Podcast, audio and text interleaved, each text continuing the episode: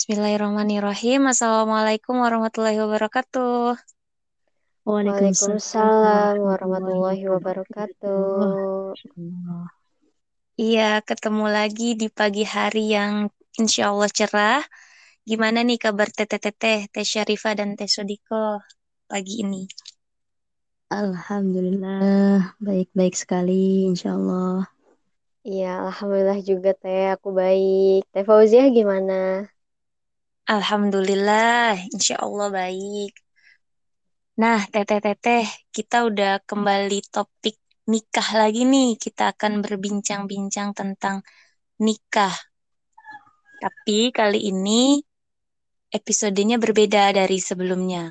Kalau sebelumnya kita sudah bahas tentang apa itu nikah. Episode terakhir ya. Yang di mana nikah itu tidak hanya mencari pasangan atau kenikmatan sesaat hanya di dunia saja, melainkan nikah itu untuk membentuk suatu komunitas yang kuat dunia dan akhirat. Jadi visi misinya nggak hanya di dunia tapi juga di akhirat. Sekarang yang aku mau tanyakan dan berbincang-bincang hari ini adalah kriteria calon pasangan. Nah, pasti tete-tete di sini punya kan kriteria calon pasangan idaman atau impian. Bisa dong teh sharing-sharing di sini supaya teman-teman juga tahu. Bisa, bisa banget, bisa. Gimana Teh Sodiko? Oh, ini pertanyaannya luar biasa ya.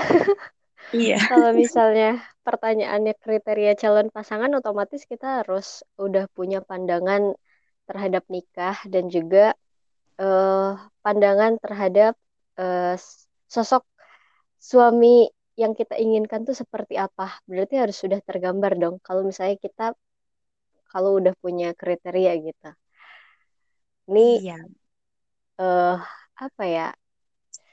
Butuh perincian atau secara umum dulu nih kriterianya? uh, boleh secara umum dulu. Iya, yang paling utama sih kalau misalnya dalam uh, Islam gitu ya, karena aku sendiri Islam, yang diutamakan satu agama ya, itu penting banget. Kemudian dia memiliki akhlak yang baik gitu. Tapi kalau misalnya mau dijabarin, mau dirinciin kriteria pasangan ideal menurut aku, mm-hmm. yang pastinya yang paling utama karena wanita itu dilihat dari menjaga kehormatannya, sedangkan laki-laki itu dilihat dari cara dia bertanggung jawab, maka yang paling utama adalah sosok pria yang memiliki tanggung jawab yang besar terhadap hidupnya. Kalau dari aku sendiri, karena kalau dia bisa bertanggung jawab terhadap hidupnya, otomatis nanti dia pun ketika diberi amanah untuk bisa uh, menikah dan memiliki keluarga, dia insya Allah mampu bertanggung jawab. Jadi yang paling utama dari aku sosok yang bertanggung jawab, Ke, ya bertanggung jawab terhadap hidupnya ya. Jadi uh, secara otomatis dia pun memiliki kemampuan untuk mencari nafkah, kemudian memiliki ilmu yang sesuai dengan kebutuhan hidupnya terhadap dirinya sendiri ataupun nanti. Uh, kayak gimana caranya supaya dia bisa menyeimbangkan pikiran dia dengan istri itu pun perlu kan. Lalu dia pun sudah memiliki visi misi yang panjang ke depannya untuk berumah tangga itu seperti apa terhadap anak pun. Misalnya nanti saya mau membentuk anak yang seperti ini punya cita-cita eh, gimana gitulah pokoknya mah terhadap anak-anak dan segala macam. Itu sih yang yang paling utama ya menurut aku. Iya tanggung jawab dan memiliki visi ya teh. Tapi yang pertama tuh yang paling penting agama dan akhlak menurut Teh iya. Sodiko. Sodiko. Masya Allah.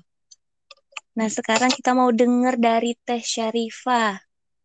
Ya, Masya Allah. Alhamdulillah ya. Tadi Teh Sodiko sudah memberikan gambaran yang cukup jelas. Cuman kalau anak pribadi mungkin uh, menitik uh, beratkan ke keywordnya sendiri yaitu kriteria. Ya, kriteria itu berarti kan sebuah standar ya harus kita yeah. punya untuk um, menuju kepada tujuan.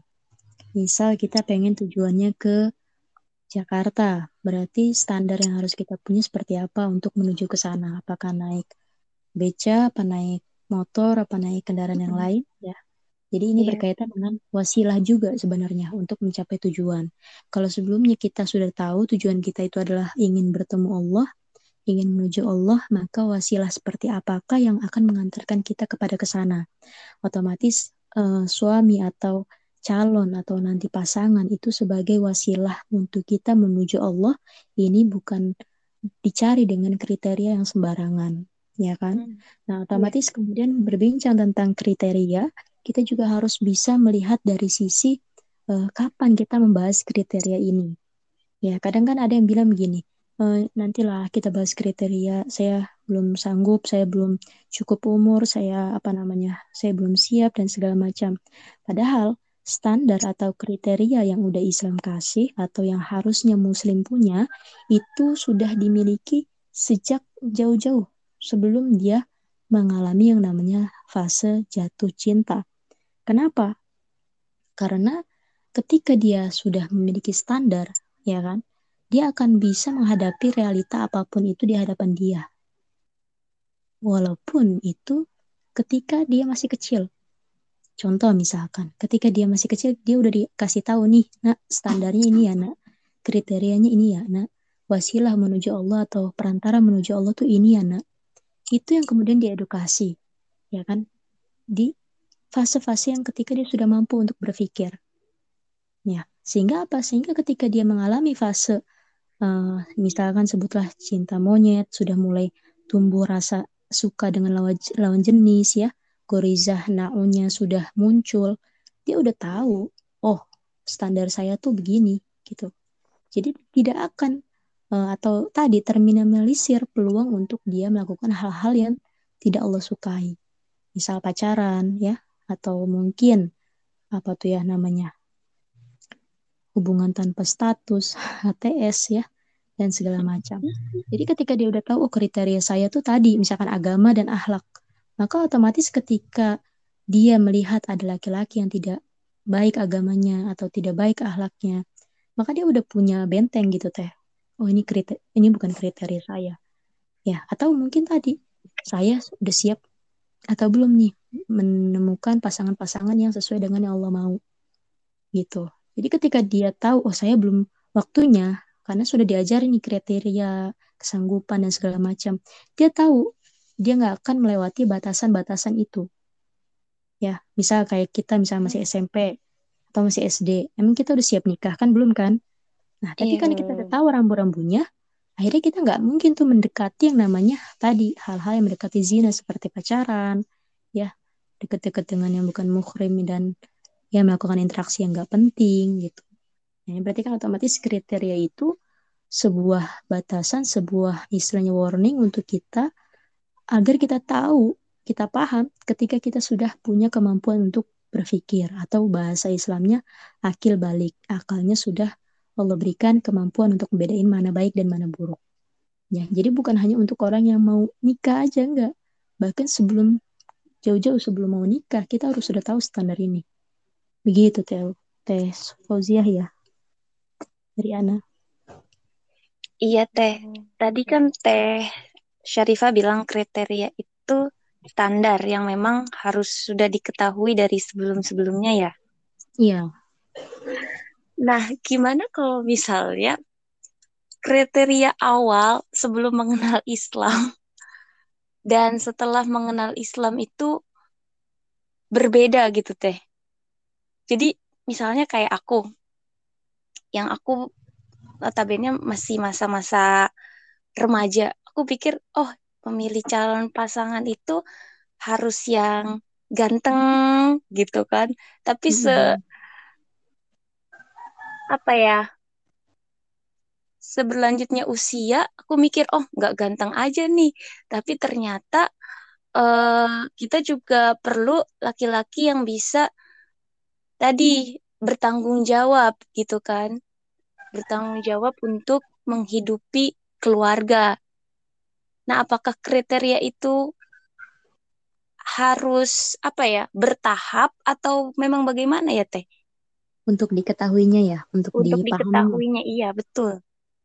Nah berkaitan dengan uh, rincian daripada standar itu sendiri memang butuh proses penjelasan. Hmm. kita nggak bisa langsung kayak uh, istilahnya ya ngedoktrin uh, muslimah atau dia tadi ya yang baru masa-masa remaja gitu. Harus begini begini gini gini gini gitu. Kita nggak bisa langsung kayak gitu. Pastinya hmm. butuh proses. Nah yang paling utama dalam hal pengenalan standar atau kriteria memang yang paling utama adalah tentang agama. Ya, kenapa? Karena eh, agama itu adalah pandangan hidup, ya, bukan tentang soleh nggak solehnya, enggak. Agama itu tentang pandangan hidup. Kenapa? Karena kalau pandangan hidup itu berarti otomatis menuju kepada tujuan hidup atau cita-cita hidup. Dan yang udah kita bahas lanjut sebelumnya, cita-cita hmm. hidup kita sebagai muslim adalah bukan hanya di dunia, melainkan juga di akhirat. Nah, pandangan terhadap hidup inilah yang menjadi penting. Kenapa? Karena ketika kita uh, melihat agama yang lain, pandangan hidupnya sama atau beda? Beda, ya kan? Di dalam Islam, pandangan hidupnya adalah Allah itu sebagai Rob satu-satunya. Rasulullah itu Muhammad adalah yang nanti akan menjadi teladan kita, memberi syafaat kita di yaumil akhir nanti, dan seterusnya. Tapi kemudian ketika kita lihat pandangan hidup agama lain itu berbeda. Konsep berpikir mereka berbeda, cita-cita tujuan dunia akhirat mereka aja beda. Nah, kira-kiranya Apakah mungkin kemudian kita memilih uh, kriteria yang agamanya berbeda? Gak apa-apa dia bertanggung jawab, uh, gak apa-apa agamanya berbeda, yang penting dia bertanggung jawab. Bisa nggak gitu? Gak bisa. Walaupun dia bertanggung jawab, walaupun dia kerja, walaupun dia kaya raya, walaupun dia bisa nafkahin kita, tapi ketika pandangan hidup yang paling asas tadi, yang menuju kepada tujuan hidup kita, di dunia dan di akhirat itu tidak sama, tidak sinkron, maka tidak akan mungkin tercapai. Nah, ini yang kemudian disepelekan di fenomena hari ini. Banyak artis-artis yang malah merasa nikah beda agama tuh fine aja, ya kan? Nyari hmm. pasangan beda agama tuh nggak masalah dan segala macam. Padahal ini penting banget loh. Agama itu pandangan hidup, dunia, akhirat. Buka, kita nikah bukan cuma buat senang di dunia, gitu bukan hanya itu tapi tadi ada pertanggungjawaban akhirat yang kita mau nggak terpisah di akhirat kan nggak mau gitu ya betul ini jadi catatan besarnya harus sesuai dengan pandangan hidup kita iya yaitu jadi muncul Berarti pertanyaan yang... apa ya Kenapa Berarti teh? kalau yang aku pandang nih ya, uh, hmm. berkaitan dengan kriteria calon sendiri gitu. Itu kayak cerminan diri kita nggak sih? Kalau misalnya kita uh, misalnya lebih mementingkan apa ya kecantikan gitu ya, otomatis dia pun karena merasa cantik itu penting, maka cerminan suami dia harus ganteng. Kayak ada cerminan gitu. Jadi apa yang kita hmm. pikirkan itu pun akan menjadi standar terhadap calon suami. Kalau aku mikirnya gitu ya, berkaitan dengan yang tadi Teh Syarifah sampaikan, kalau misalnya kita dari sedari dini lah ibaratnya, kita harus sudah punya pandangan kriteria itu sendiri, otomatis yang harus ditatar oleh orang tua atau diri kita sendiri adalah pandangan tentang hidup itu sendiri. Kalau misalnya pandangan hidup kita hanya sebatas dunia, maka yang akan kita cari berkaitan dengan kriteria pun ya berkaitan dengan dunia itu sendiri. Tapi kalau misalnya kita sudah memandang hidup itu tidak hanya sebatas di dunia, ada pertanggungjawaban untuk nanti di akhirat dan juga nanti ada kehidupan setelah akhirat, maka pandangan hidup eh, pandangan kriterianya pun tidak akan hanya sebatas untuk dunia saja, tapi dia memikirkan bagaimana nih sosok yang bisa menemani saya itu ya akan terus bersama-sama sampai nanti di akhirat gitu. Sama-sama saling mengingatkan untuk terus mengenal Allah gitu kan ibaratnya. Kalau apa ya jadi partner yang solid lah untuk sama-sama Hmm. mencapai ridho Allah itu sendiri. Berarti kata kuncinya adalah meng- mengetahui tentang hidup itu sendiri ya berkaitan tentang kehidupan saat ini ataupun nanti otomatis yang harus kita utamakan dalam memandang kriteria itu sendiri adalah tentang agama. Agama diri kita pun agama calon. Betul nggak sih? Betul. Masya Allah. Iya, bagaimana Teh Syarifah? Mau Ini menanggapi Teh pernyataan Teh Teh Sodiko bilang Sodika? ya tadi Teh Sodiko kan bilang tentang cerminan ya. Mm-mm. Apakah kemudian ketika eh, kita cantik kita harus nyari yang ganteng atau sebaliknya gitu kan? Nah ini ter apa namanya terlihat dari kalau kita buka surah An-Nur ya ayat 26 itu dalam tafsir Wajiz dikatakan bahwasanya sudah menjadi sunatullah bahwa seorang selalu cenderung kepada orang yang memiliki kesamaan dengannya. Mhm. Tes? Ya, Ya, Iya. gitu. Jadi eh, u- udah ada sunatullahnya. Maksudnya gimana? Dia akan mencari yang sekufu dengannya. Dia akan mencari yang eh, apa yang menjadi visi misi dia. Kalau dia visinya gamers, maka dia akan mencari pasangan yang gamers juga, Mhm. ya kan? Kalau dia seorang hafizoh, maka dia akan mencari pasangan yang kalau bisa hafiz juga, Mhm. dan seterusnya, gitu loh teh. Nah, berarti kan Hmm. otomatis orientasinya tadi, pandangan hidupnya lah yang menjadi standar utama. Jadi kalau kita ketemu orang atau ingin mencari seorang, kriterianya berarti pandangan hidupnya dulu. Kamu pandangan hidupnya apa? Kamu bahagia itu dengan apa? Apa yang menjadikan tujuan hidupmu dan segala macam. Kan berarti pandangan hidup. Nah, ini berkaitan dengan agama. Gitu. Jadi cerminan itu kan berarti otomatis agama kita gimana, nanti pasangan kita kayak gimana. Pandangan hidup kita kayak gimana, nanti pasangan hidup kita kayak gimana. Gitu kan. Mhm. Ini catatan merah. Pandangan hidup. Nah, kan Teh, kalau misalnya kita sepakat lah ya untuk melihat kriteria calon pasangan atau suami itu dilihatnya dari agama. Betul ya, agamanya memang harus sama Islam, seakidah, satu akidah. Tapi Teh, bisa nggak sih eh, agama seseorang itu dinilai gitu? Maksudnya baiknya dia dalam beragama? Bagaimana cara taunya gitu ya. Iya, betul. Karena kan Hmm. agama itu masih umum ya, ya kebanyak kebanyakan ya iya dia Islam gitu, tapi kan kita tidak tahu gitu apakah dia sudah eh, menjalani agamanya dengan sepenuhnya atau bagaimana gitu. Benar. Tadi sih anak unik dengar yang teh sedikit sampaikan tentang tanggung jawab. Ya, tadi kan udah dibahas tuh sisi agama, agama itu dirinciin lagi menjadi tanggung jawab gitu ya Teh Sodiko ya. Iya. Nah, coba eh, Anda pengen tahu dulu dari Teh Sodiko, tanggung jawab itu bagaimana maksudnya nih? Tanggung jawab itu ya dia apa ya bisa menjalani hidup itu sesuai dengan apa yang Allah perintahkan. Dia kayak ya udah gitu. Saya konsekuensi hidup di dunia misalnya menjadi seorang manusia ketika dia mengaku bertuhan konsekuensinya dia harus beribadah. Nah, tanggung jawab selama dia hidup pun ya beribadah. Kemudian ya berkaitan dengan nikah sendiri gitu ya. Tanggung jawab yang dimaksud tuh seperti apa gitu. Ya, dia ngerti tuh eh, ngerti terlebih dahulu bahwa nikah itu untuk apa sih? Pandangan hidup dia terhadap nikah itu seperti apa? Karena kan ada yang memandang hanya sebatas eh, sebelumnya kita udah bahas kan di podcast eh, hanya sebatas kayak tradisi lah kayak gitu. Kayak abis eh, sekolah kemudian kuliah, habis kuliah kerja, habis kerja nikah, habis nikah punya anak. Nah, itu kan cuma tradisi, tidak ada pandangan khusus yang mendalam eh, terkait nikah itu sendiri. Nah, kalau orang yang bertanggung jawab tidak mungkin dia hanya sebatas itu. Otomatis dia akan mencari tahu beban dari menikah itu apa sih? Beban tanggung jawab yang harus dia apa ya?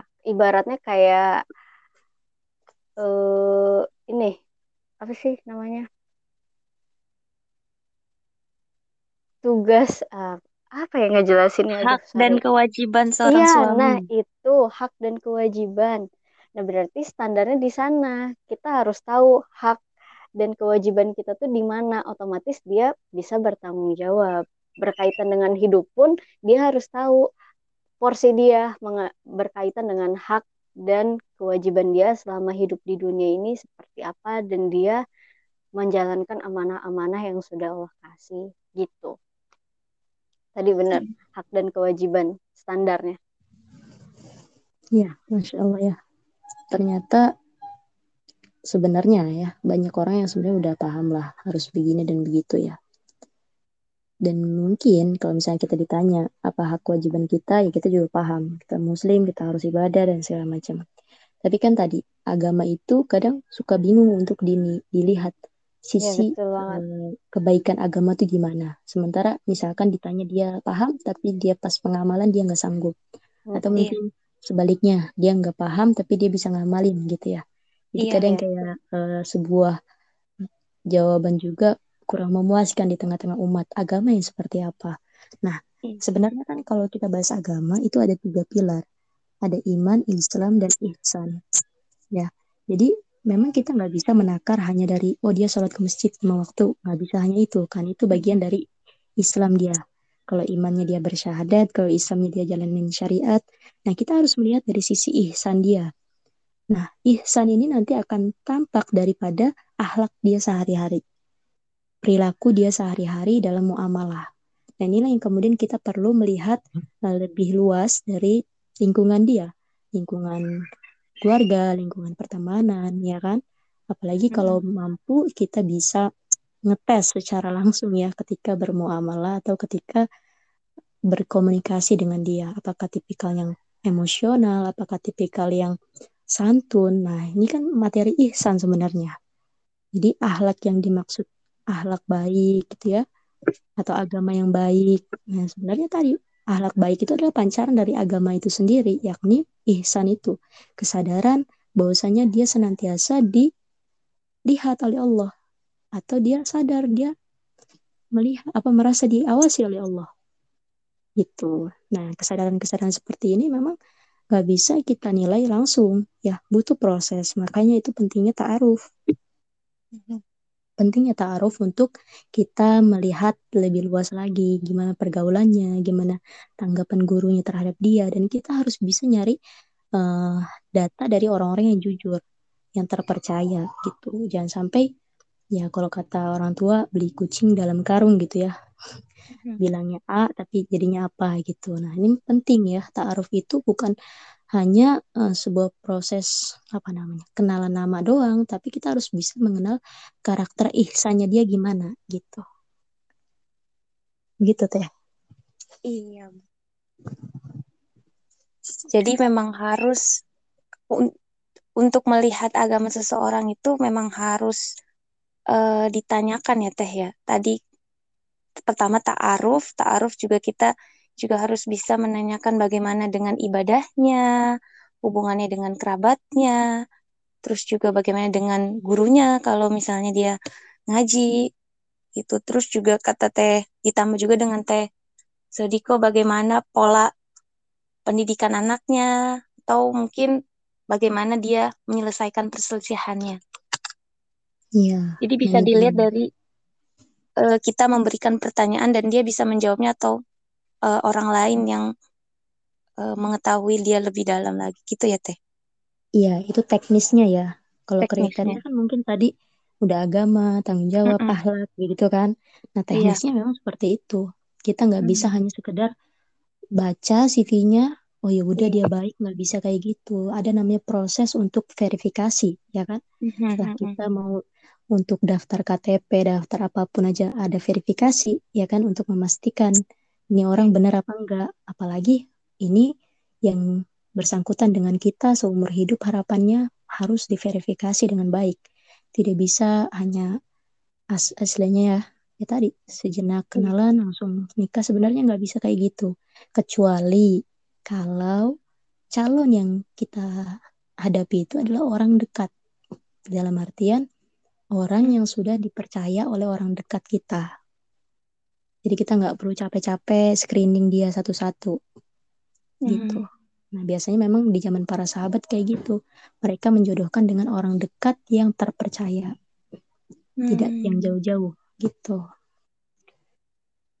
Betul. Terus teh untuk memilih kriteria itu kan tadi kata Teh Syarifah sempat bilang eh, yang memiliki kesamaan ya Teh ya. kesamaan sekufu Iya, sekufu. Iya betul. Bagaimana kalau ada yang bilang eh, ya kan pernikahan itu untuk saling melengkapi gitu. Jadi nggak ada tuh pasangan yang sempurna. Itu bagaimana ya Teh kalau untuk itu Iya, menanggapinya? sekufu itu kan berarti bukan yang sama dengan keinginannya kita. Sekufu Hmm, itu dalam artian orang yang bisa memenuhi kebutuhan kita. Misal karakter kita lupaan gitu ya. Iya. Nah dia karakternya sangat mudah mengingat. Walaupun misalkan Hmm, nggak sesuai nih kriterianya, wajahnya biasa aja, ya kan? mhm. Eh, kepintarannya, intelektualnya biasa aja. Tapi di, di, di dalam diri dia ada hal yang kita butuhkan. Ya, dan itulah yang kemudian membuat klik dengan kita. Oh, kayaknya saya butuh nih orang yang kayak gini, sosok yang kayak gini, yang bisa ngisi kekurangan kita. Nah, cuman an- eh, di garis bawahi sekufu yang dimaksud tadi tetap dengan kondisi kemampuan kita.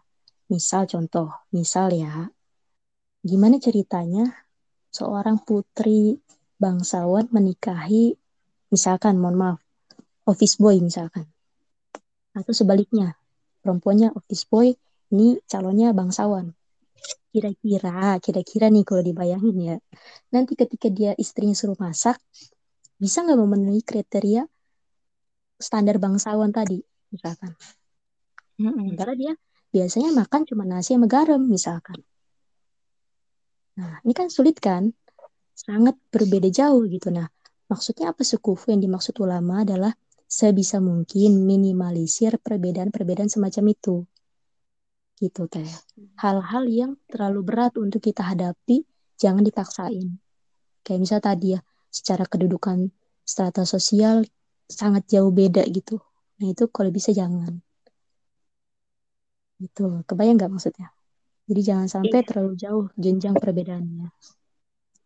Itu sih. Jadi tetap agama ya sama, eh, sama-sama makan nasi gitu kan misalkan.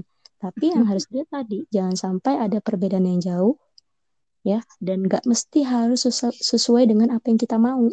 Sekufu itu enggak, melainkan apa yang kita butuhkan. Makanya kalau ada istilahnya tuh jangan jatuh cinta tapi bangun cinta.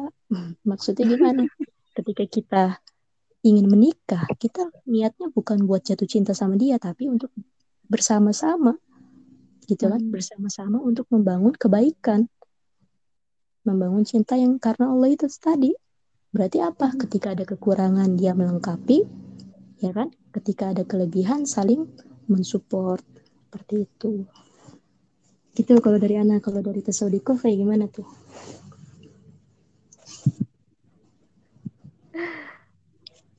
Apa tadi pertanyaannya? Ayo Skufu tuh. apa? Oh, sekufu ya. Iya. Eh, mm-mm. Kayak di masyarakat sendiri kan memang eh, kesamaan derajat lah ibaratnya gitu ya. Itu kayak penting banget. Kadang orang tua atau keluarga kita selalu memiliki kriteria tersendiri terhadap pasangan yang akan kita nikahi. Jadi ketika kita mau nikah tuh bukan hanya kriteria kita doang kan yang berperan betul. di situ, tapi kadang-kadang dari pihak terdekat atau masyarakat pun ikut gitu memiliki penilaian lah terhadap kriteria itu sendiri. Nah ini kan eh apa ya berkaitan dengan kesamaan itu yang paling sering dipandang oleh masyarakat berkaitan dengan kekayaan, kemapanan dari mulai yang utama sih laki-lakinya ya. Di masyarakat kita itu dituntut banget untuk laki-laki itu memiliki kemapanan. Bahkan ada di satu daerah yang ada di Indonesia, mahar itu jadi patokan. Misalnya perempuannya dia uh, eh, S1, maka maharnya pun harus segimana. Kalau misalnya perempuannya lebih tinggi lagi derajatnya, maka maharnya pun lebih tinggi dan segala macam. Itu uh, jadi pandangan juga di masyarakat, jadi kriteria juga sehingga ada beberapa uh, tradisi yang bisa menyulitkan untuk menikah. Nah, otomatis kan tidak seperti itu ya di dalam Islam sendiri. Islam itu kan memberi kemudahan. Tidak mungkin menyulitkan seorang umatnya untuk bisa menjalani suatu ibadah yang sangat luar biasa. Karena nikah itu bukan ibadah yang ecek yang ecek-ecek gitu, tapi ibadah yang sangat tinggi. Karena di sini membersamai sama-sama saling mencintai yang maha pecinta ya tadi. Aduh. Kemudian eh, di keluarga kita misalnya punya eh, kriteria tentang kesamaan gitu berkaitan oh kalau misalnya saya eh, pendidikannya S1 maka otomatis minimal suaminya pun harus S1 lagi atau kalau bisa lebih. Walaupun misalnya tidak sekolah, yang dilihat pasti dari hartanya. Ya, seringnya seperti itu gitu. kalau yang aku lihat di masyarakat. Nah, kita ketika dihadapkan dengan kondisi seperti itu otomatis jadi bimbang, jadi galau. Makanya rata-rata orang yang mau nikah itu kebanyakan galaunya. Karena yang dihadapi bukan hanya dirinya dan dirinya sendiri, bukan hanya dirinya dan calon nanti, tapi juga dari keluarga, dari masyarakat. Ini jadi pertimbangan yang sangat besar. Yang paling penting gitu kan, itu menyamakan persepsi terlebih dahulu. Makanya ketika kita mau nikah dan kita memiliki kriteria, bukan hanya kriteria itu kita sampaikan kepada suami. Mungkin ya kita cocokkan kita verifikasi gitu ya terhadap calon suami. Tapi kita pun coba uh, musyawarahkan dengan keluarga sehingga keluarga bisa mengerti kesamaan yang dimaksud itu atau tadi bahasanya Teh Syarifah itu kecenderungan yang sama kecenderungan yang sama antara diri kita dengan calon itu seperti apa kita sampaikan juga kepada keluarga. Nggak bisa diri kita sendiri atau suami misalnya karena laki-laki tidak perlu namanya apa ya wali gitu kan. Kalau perempuan kan ada wali. Gak, misalnya laki-laki itu tidak menyampaikan kepada keluarganya ya tidak bisa seperti itu. Makanya restu dari keluarga itu sangat penting dan peran kita sebagai calon misalnya itu menyampaikan musyawarah mem, apa ya memahamkan tentang kesamaan yang kita inginkan itu seperti apa pandangan hidup kita yang utama itu seperti apa. Tuh. Jangan sampai terjebak lah dengan yang namanya kesamaan yang harus sama-sama dari sisi pandangan duniawi saja tapi jelaskan bahwa kesamaan yang kita inginkan itu adalah yang benar-benar bisa bersama-sama menuju cintanya sang pencinta itu. Stefan sendiri gimana nih? Betul sih Teh, betul banget. Jadi kadang kita kan uh, sebagai seorang perempuan tidak langsung berhadapan dengan calon pasangan kan karena memang melewati wali itu ya. Iya. Dan wali itu juga yang akan menentukan dan untuk supaya selaras jadi kita juga wajib untuk menyampaikannya kepada orang tua kita. Gitu ya, Teh. Iya. Mengkomunikasikan ya. Mm -mm. Ajak musyawarah kita maunya seperti apa, pandangannya seperti apa, gitu. Jadi supaya tidak ada miskomunikasi nanti ketika ada calon yang mau mengenal kita, tapi malah jadi wali kriteria wali kita. Makanya tadi ya, yang karena yang akan menikah kan kita juga kan. Iya benar.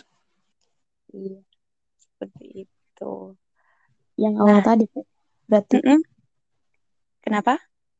Iya, berarti awal, seperti yang di awal tadi Anda sampaikan bahwasanya kita bahas kriteria itu bukan ketika kita mau nikah itu Mhm. terlalu terlambat gitu loh Iya.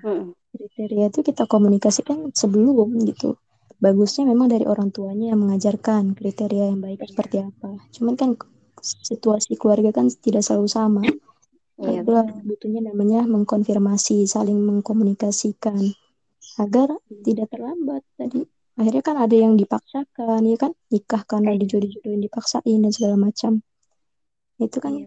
Kasihan bagi masa depan rumah tangganya. Masa setiap hari hidup terpaksa kan gak mungkin ya. Makanya dari sekarang. Dari sekarang udah ajak ngobrol orang tuanya, sedikit-sedikit Iya. ajak-ajak diskusi gitu, bukan menggurui ya Teh ya. iya. Betul. Mm-mm. Sama ini sih, aku ngerasanya gini ya, di masyarakat sekarang, eh, keluarga itu apa ya, banyak lah istilah yang namanya broken home juga. Ya, dari situ banyak fenomena juga anak-anak muda ini tidak ingin menikah. Kalaupun ingin menikah, tadi nggak mau punya anak. Nah, otomatis kalau misalnya kita mau berkeluarga, Ya, karena itu penting ya. Apalagi kita tadi minta restu daripada keluarga, kita memahamkan keluarga juga. Maka sebelum kita berkeluarga, harus harmoniskan dulu keluarga yang kita punya. Hmm. Gimana caranya? Ya rendahkan ego kita. Jangan sampai kita menuntut pengen diperhatikan misalnya sama keluarga karena ada problem. Nggak bisa. Kita coba lunakan diri kita. Kita coba eh, berkomunikasi perlahan-perlahan. Kemudian memandang apa ya perbedaan di tengah-tengah keluarga, adanya toleransi di tengah keluarga, pokoknya harus bisa harmonis gitu. Gimana caranya kita bisa membentuk suatu keluarga yang harmonis, tapi kita pun tidak bisa mendamaikan keluarga kita sendiri sebelum berkeluarga ya. Nah itu penting juga sih kalau menurut aku. Jadi jangan sampai kita tergesa-gesa atau ter apa ya untuk menikah gitu ya, memaksakan calon kita, tapi kita sendiri hubungannya dengan keluarga itu tidak harmonis, maka ke depannya pasti akan ada problem lagi berkaitan dengan keluarga. Nah, jadi apa ya supaya tidak menambah PR di masa depan ya kita selesaikan dulu semasa lajang. Itu penting Hmm. juga kalau menurut aku. Mm-mm. Iya, betul teh. Jadi kayak nanti ketika pun kita melihat kriteria juga, kita harus tahu hubungan dia dengan keluarga bagaimana, begitu ya. Iya, Hubungan dia dengan betul. teman-teman gimana, yang tadi itu. Maka otomatis namanya nikah itu kan berarti otomatis bukan kita apa sih namanya nebak lima tahun ke depan, 10 tahun ke depan, bukan. Kita bukan menjadi tukang tebak-tebakan, tapi Mm-mm. kita harus mengetahui yang namanya eh, kecerdasan emosi gitu ya. Kalau kita Iya. udah baik kecerdasan emosi kita, yang kita harapkan harapkan juga adalah pasangan yang kecerdasan emosionalnya baik, yang psikisnya Mm-mm. baik gitu. Iya. Jadi jangan sampai kayak karena modal ganteng aja, ya udah kita nikah sama dia gitu ya. Padahal suka marah-marah misalkan, kan ini bahaya ya bagi mental kita. Nah ini yang harus kita lihat dengan persis gitu, apakah calon itu udah matang secara psikologis atau enggak. Mm-mm. Mm-mm. Penting banget betul. Iya, Hmm. baik. Nah, Teh, kan tadi kita udah bicara tentang kriteria ya. Pertama dari menurut kita agama dan akhlak ya. Itu apakah eh, untuk memiliki kriteria agama dan akhlak itu sudah tercantum dalam Islam, sudah ada tuntunannya, atau memang sudah seharusnya memilih agama? Kalau menurut pandangan Islamnya bagaimana, Teh? Apakah sudah ada tuntunannya untuk mem- memilih kriteria calon pasangan Ya gimana teh? Sediko. dalam Islam? Iya, kan eh, berkaitan dengan yang bahwa kalau misalnya kita melihat laki-laki itu dilihat dari agama dan akhlak itu sesuai dengan hadisnya. Kalau setahu Hmm. aku, cuman aku lupa hadis yang mana gitu ya. Cuman tahu aja gitu. Nah, Iya. berarti kan memang dalam Islam sendiri mengajarkan tentang eh, gimana kita memilih gitu kan pasangan hidup yang seperti apa itu diajarkan nggak mungkin Islam kayak ya udah nikah gitu tapi nggak dikasih ilmu lebihnya kalau misalnya kita belum bisa memandang ilmu lebihnya berkaitan dengan apa yang dimaksud dengan akhlak atau apa yang dimaksud dengan agama itu sendiri berarti itu tugas kita untuk mencari tahu lebih dalam mencari Hmm. ilmunya gitu Ya, Masya Allah. Kalau anak pribadi ya, menukil beberapa ustadz menyampaikan bahwasanya kriteria yang wanita ya, nikahilah wanita karena empat hal ya. Sebenarnya Iya. itu juga berlaku untuk laki-laki katanya. Maksudnya gimana? Kenapa? Karena kan memang hadis itu nikahilah wanita. Memang ketika orang mau nikah, yang datang wanita yang nikahin laki-laki atau laki-laki yang nikahin wanita? Pasti laki-laki kan nikahin yang Hmm. ngucapin ijab kabul kan. Nah, Iya. maka otomatis hadisnya seperti itu nikahilah. Dalam artian nih eh, kalau laki-laki kamu kalau mau nikahin orang kriterianya gini ya gitu. Mhm. Nah, tapi kalau perempuan, kalau kamu nerima orang, ya kalau bisa kayak gitu juga gitu. Jadi kayak misal kan kalau hadisnya parasnya ya cantik atau enggak gitu. Berarti otomatis kalau laki-laki itu ganteng atau enggak. Nah, dalam Hmm. artian cantik ganteng itu adalah kita tertarik atau enggak sama orang itu. Ini Hmm. penting. Kenapa? Karena berkaitan dengan nanti keberlangsungan rumah tangga. Kalau kita Iya. tahu agamanya bagus, kalau tahu kita dia hartanya baik, nasabnya baik gitu ya, tapi kita nggak tertarik dari fisiknya, ini akan sulit. Gitu. Dalam penjabarannya seperti itu, akan sulit untuk keberlangsungan rumah tangga. Jadi dalam artian misalkan ya udah nikah nih, nah kemudian karena dia nggak tertarik dengan yang di rumah, maka dia cari yang lain di luar gitu teh, lebih mudah Oh iya. terbujuk sama fitnah di luar. Tuh, Iya. jadi penting bagi perempuan juga untuk melihat fisik, tapi bukan standar ganteng opa-opa Korea ya, bukan standar yang membuat dia tertarik dari fisik gitu. Penting ya, wanita juga berhak memilih seperti itu. Kemudian dari hartanya dalam artian tadi ya, finansial dia mampu atau enggak bertanggung jawab. Terus kemudian dari nasabnya dia, ya keturunan dia. Kita juga harus tahu, nggak mungkin. Kenapa? Karena perempuan itu ketika dia nikah dengan suaminya, apa yang terjadi? Dia ketaatannya kepada suami, tidak lagi kepada orang tua. Berarti otomatis kalau misalnya suaminya bawa kepada keluarganya laki-laki tadi, kita harus melihat keluarganya ini harus dari keluarga yang baik-baik. Sanggup nggak kita Hmm. hidup sama keluarganya dia kalau keluarganya nggak baik-baik? Kan susah, ya kan? Jadi tetap juga bagi perempuan untuk bisa melihat nasabnya laki-laki ini dari keluarga baik atau enggak, gitu teh. Yang terakhir ya, agama juga memang ya wajib banget lah untuk kita tahu. Dan itu yang utama, gitu teh. Gitu. Berarti kriteria Teh Syarifah dan Teh Sadiko memang sudah sesuai dengan tuntunan Islam ya. Memang harus Hmm. Amin. agama dan akhlak nggak hanya ya tidak hanya kriteria yang hawa nafsu inginkan, tapi memang harus sesuai dengan yang Islam ajarkan. Ya insya Allah kayak begitu. Insya Allah.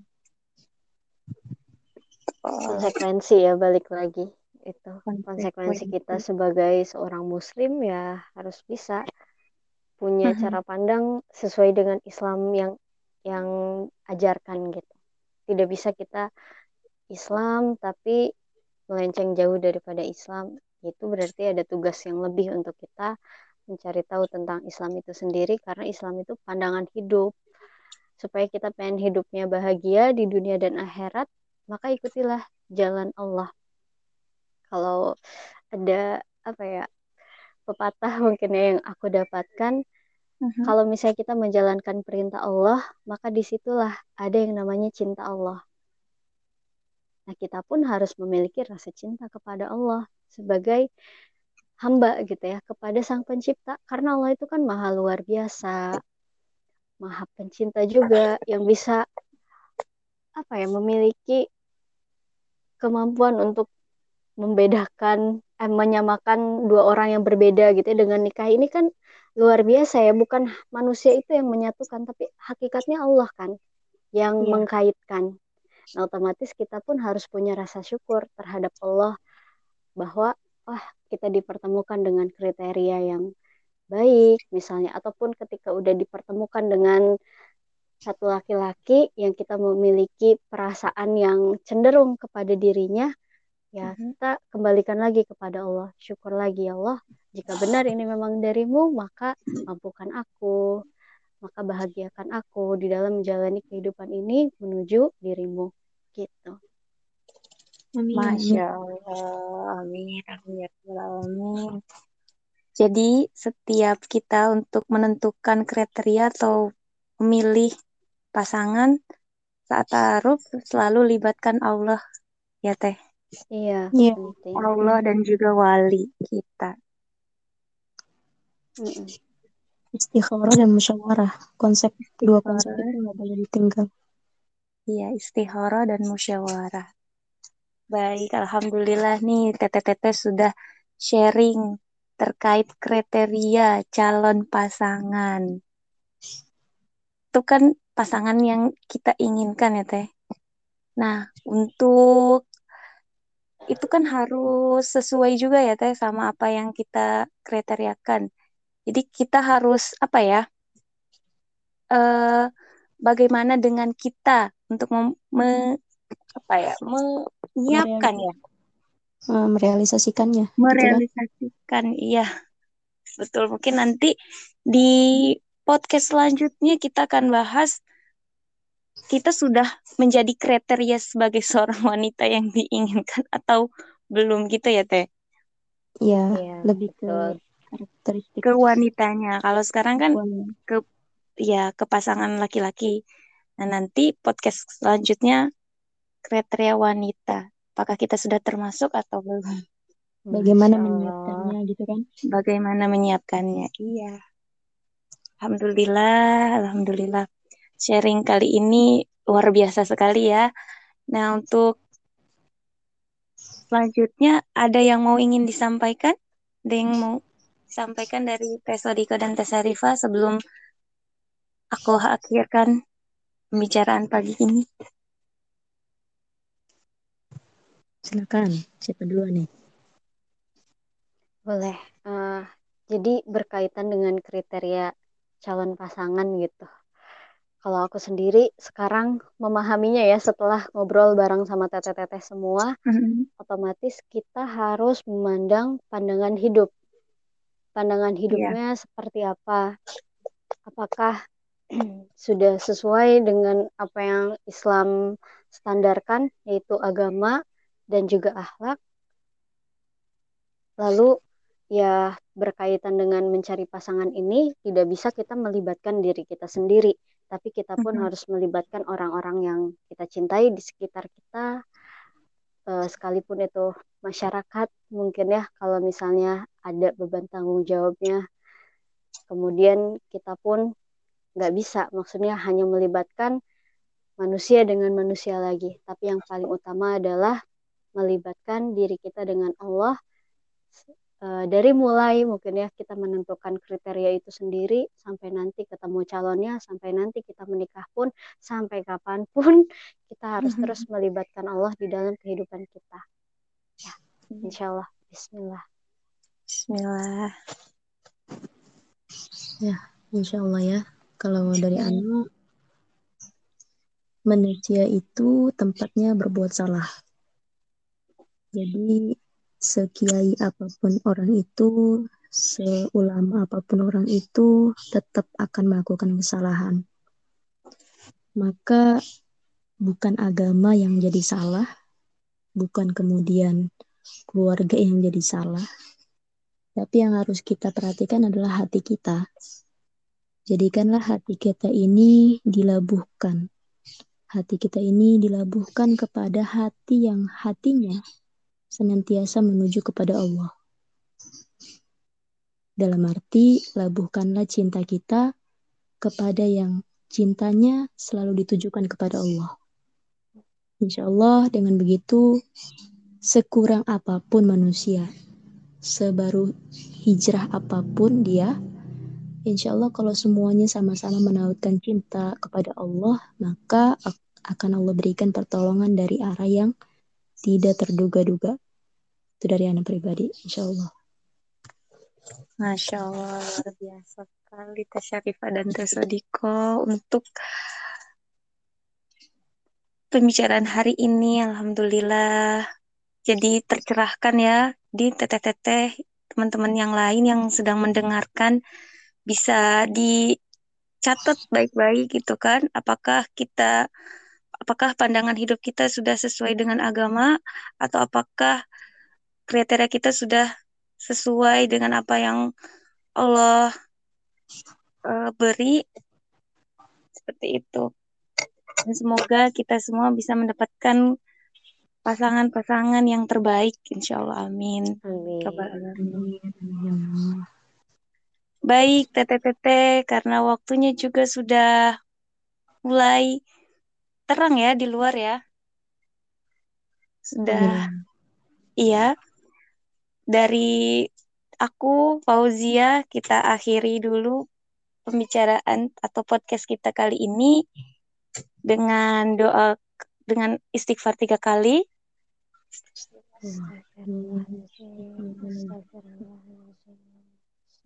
Dan doa kafaratul majelis. Subhanallah.